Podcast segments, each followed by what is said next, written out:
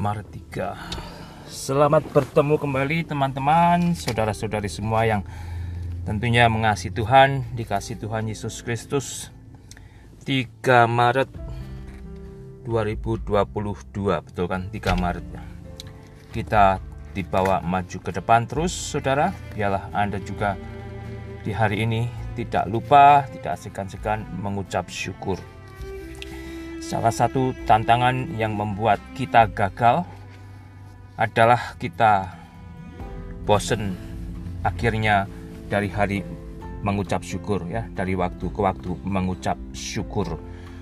Pengucapan syukur kita kepada Tuhan bukan hanya menjadi satu rutinitas biasa, tetapi berisi ungkapan hati, curahan hati, bagaimana saya dan Anda benar-benar berterima kasih atas hari ini, atas hari yang akan masih diberikan kepada saya dan saudara. Jadi bukan hanya sekedar klise belaka. Karena sebagian saudara, sebagian yang Anda tidak kenal atau mungkin saya atau Anda tidak akan ada lagi besok. Ya. Tidak akan ada lagi besok. Sepertinya ada masalah internet. Oke.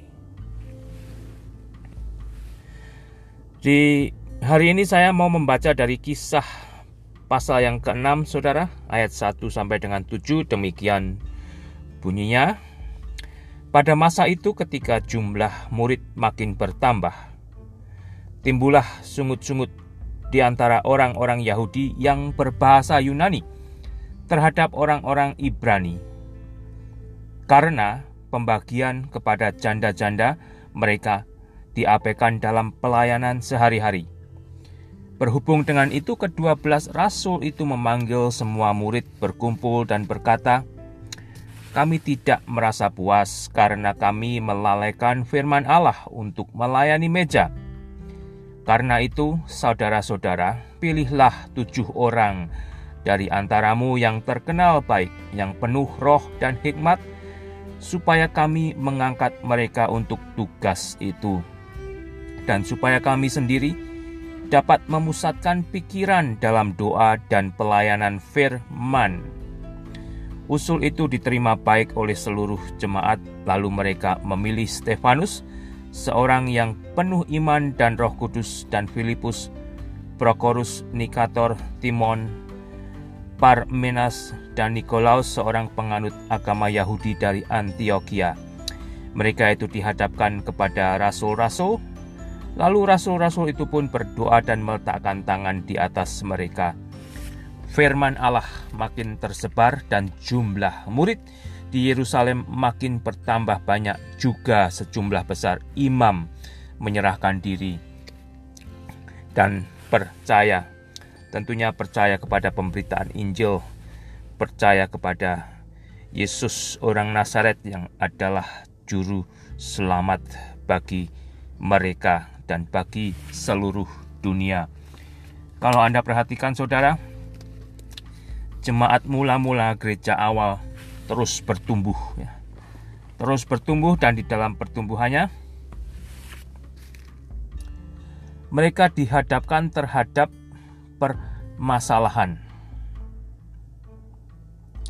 Ada yang merasa diabaikan dalam pelayanan sehari-hari. Oleh karena itu, para rasul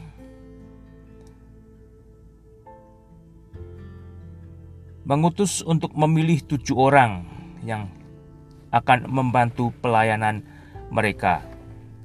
Dan persyaratannya, saudara, persyaratannya apa kalau Anda perhatikan baik-baik di sini? Karena itu, saudara-saudara, ayat ketiga, pilihlah tujuh orang di antaramu yang terkenal baik dan yang penuh roh dan hikmat, supaya kamu mengangkat mereka untuk tugas itu yang penuh roh dan hikmat. Ya. Itu penting sekali saudara ya, yang penuh roh. Kalau pelayanan Kristen dipimpin oleh orang yang tidak dipenuhi oleh roh Allah sendiri, Roh Kristus, Roh Kudus, Anda akan menghadapi permasalahan.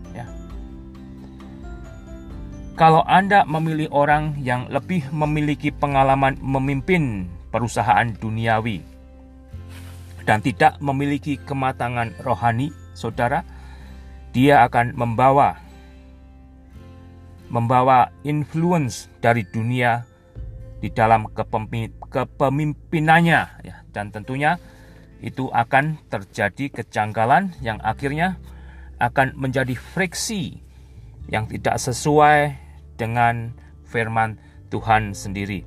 Nah,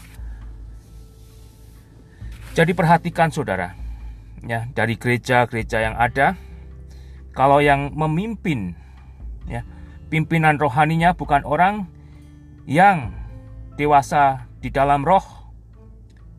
Anda bisa melihat dengan gereja yang dipimpin oleh orang-orang yang dewasa di dalam roh. Karena di situlah pelayanan firman Tuhan akan terus berjalan. Dan yang tidak bisa diabaikan ya, di dalam gereja Tuhan, di dalam jemaat Tuhan adalah pemberitaan firman dan doa ya.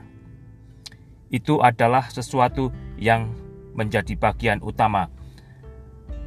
Kalau jemaat Tuhan tidak diajar oleh firman Tuhan, jemaat itu sendiri tidak akan bertumbuh menjadi dewasa dan berbuah. Ya. Mudah-mudahan Anda menjadi bagian daripada hasil buah pengajaran firman Tuhan. Mudah-mudahan Anda adalah orang Kristen yang bertumbuh dari hasil ya, pengajaran firman Allah dan Anda pada akhirnya membuahkan buah roh dan melanjutkan pekerjaan pemberitaan Injil dan sebagainya. Kalau pemimpin sebuah gereja atau jemaat dan mereka yang membantu tidak mengutamakan apa yang utama, saudara,